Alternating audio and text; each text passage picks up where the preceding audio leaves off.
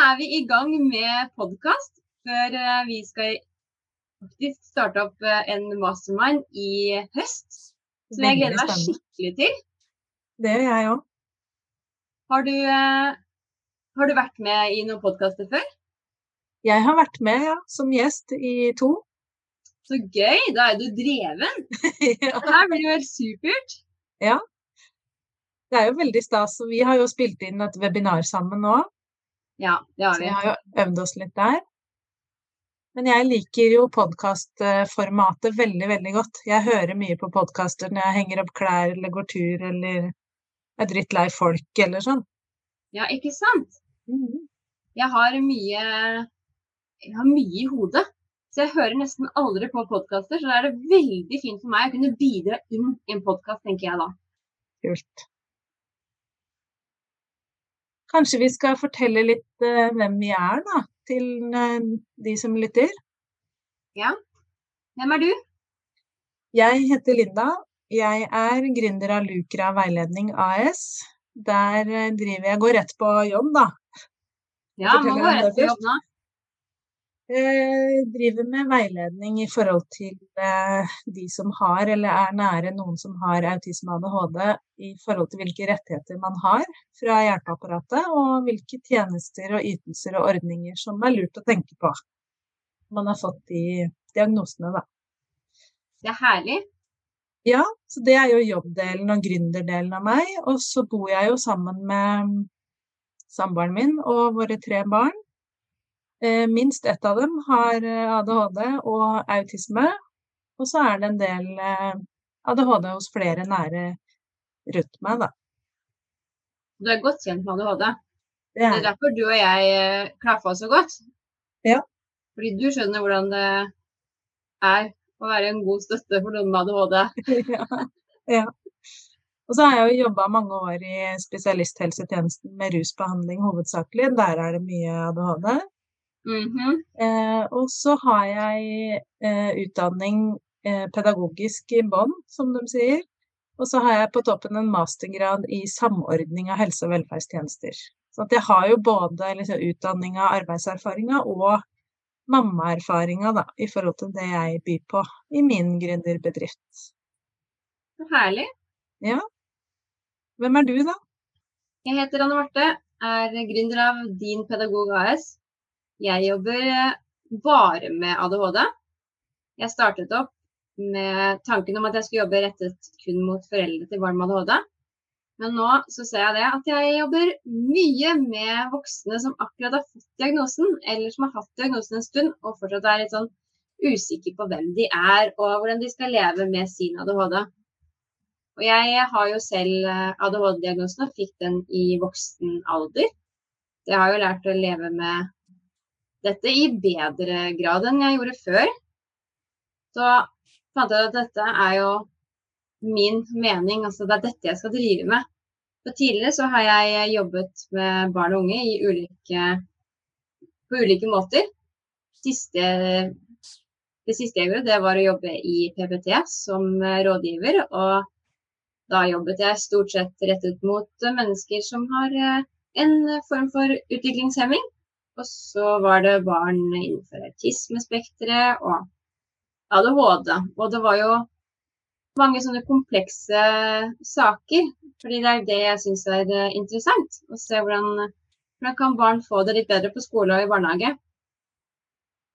Og jeg har jo da en videreutdanning, eller en etterutdanning i autismespekterforstyrrelse. Og det er jo dette spekteret av eh, som handler både om autisme, ADHD og Tourettes syndrom. Da. Så det er ikke egentlig bare autisme.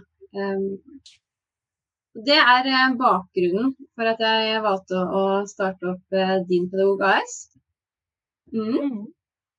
Slutta du i jobb, og så stifta du, eller var det en overlapp der? At du stifta mens du jobba? Jeg slutta i eh, jobben, og så tenkte jeg at jeg skulle finne noe som var interessant for meg, så var det ikke så veldig mye ute da som eh, vekket min interesse. Men akkurat på det tidspunktet i livet så fant jeg at det, nå er tiden. Hvis jeg skal lage noe sjøl, hvis jeg skal skape en bedrift, så er tiden for det akkurat nå. Så da gjorde jeg det. Jeg har jo lenge hatt en tanke om hva det er jeg har lyst til å drive med, men jeg har ikke hatt muligheten til å ja, bli en gründer. Fordi at uh, det har vært andre ting som har tatt opp tiden min. Mm. Men nå, nå, da var jeg klar. Og det rundt oss som gründere og hva vi var redd for og sånn, det skal vi snakke om i neste episode. Ja. Men jeg lurer på, hva er det du brenner skikkelig for? Hva er det som fyrer deg opp, engasjerer deg? Hvor har du lyst til å frelse verden, liksom? Å, det er et kjempestort spørsmål. Jeg har så ja. inderlig lyst til at uh, barn skal få oppleve å kjenne sine styrker i dette med å ha ADHD det er så mye fokus på hvilke utfordringer man har, og at man har en, eh, en livstid, livstidslidelse. Og det er jo en, eh, en lei ting å si til et barn. Barn som får ADHD-diagnosen, de forstår jo at det er eh, noe ganske annerledes med dem. Men det er jo veldig få som har fokus på hvilke ressurser og styrker som gjemmer seg bak en ADHD-diagnose. Og vi kan på en måte ikke utvikle våre styrker hvis vi ikke er i samspill med noen som spiller oss gode. Så det er mitt store ønske. At vi skal få barn som kan fungere godt i altså hele, hele barndommen, altså i et livsløp, da. Mm. Vi ser jo det nå at det er veldig mange som hvert fall henvender seg til meg, som er utbrent fordi de har ikke fått den støtten og hjelpen de har hatt behov for. Og kanskje strevd med ting som kunne vært løst på et tidligere tidspunkt, så blir de straffet for det i voksen alder, da. Og det syns jeg er veldig trist. Ja. Men hva hva er, ditt? Det er eh, flere ting, men eh, jeg har jo, fordi jeg har en sønn med autisme og ADHD, Eh, gått liksom den lange veien gjennom hjelpeapparatet, søknader, få på plass ting for at han skal ha et godt liv, da. Mm. Så det å kunne hjelpe andre foreldre med å gjøre den veien litt kortere, det syns jeg er veldig, veldig givende. Og ja. Når noen henvender seg til meg og trenger, har fått et avslag f.eks., da kjenner jeg at jeg får så innmari lyst til å, å sende klage og, og få det til likevel, da. Ja, du fyres opp. Ja, jeg kjenner det, det er det jeg brenner for. Og når jeg tok master nå i samordning av helse- og velferdstjenester, det er jo mer på systemnivå. Mm. Eh, og hadde bl.a. et semester med organisasjon og ledelse. Det også syns jeg er veldig, veldig gøy. Med organisering, hvordan man starter opp en bedrift, hvordan man driver det, jeg var jo selvfølgelig verneombud der jeg jobba før, ikke sant. Ja. Og, ja, ja, ja. Eh, arbeidsmiljø, kollegaer, alle de små tinga da, som er veldig viktig for det store, og at man skal ha det bra på jobb. Mm. Det, er, det, er, to helt forskjellige ting, men det er jo det vi prøver å kombinere litt her, da. Fordi hvis ikke vi hadde hatt sånne som deg på jobben, så mm. hadde sånne som meg strevd skikkelig. Ja. Fordi det her er jo hele årsaken til at uh, den mastermannen vår heter Kolibri. Og det er jo fordi at et ADHD-hode, det går så i hundre. Så hvis ikke vi hadde hatt noen som rammet oss inn, og som passet på arbeidsmiljøet og alle disse tingene her, så hadde det flaksa ganske bra. Og det er hele bakgrunnen for uh, Kolibri. For visste du egentlig at uh, en kolibri, den, altså den svirrer i en utrolig fart. Og det er faktisk det eneste fuglen som kan fly både baklengs og opp ned. Pluss at uh, den flyr i nesten 150 km i timen. Du kan jo bare tenke deg hvor raskt uh, et ADHD-hode kan uh, jobbe. Ja, man merker jo det når man ikke har det sjøl, skjønner du. Så går det jo i 100 år. går det i 100, altså? ja. Jeg syns det er så veldig bra bilde på ADHD, det er, og det er så unikt, ikke sant, også. Det er så fint, da. Og kolibrien er så vakker òg, så det er så mye Det er så bra. Den, er, den viser liksom hele det kreative spekteret i dette med å ha ADHD. Mm. Samtidig som at uh, stress En kolibrifugl er uh, en veldig stressa fugl. Som gjør at uh, den har stort Altså den, den har, rommer et stort areal.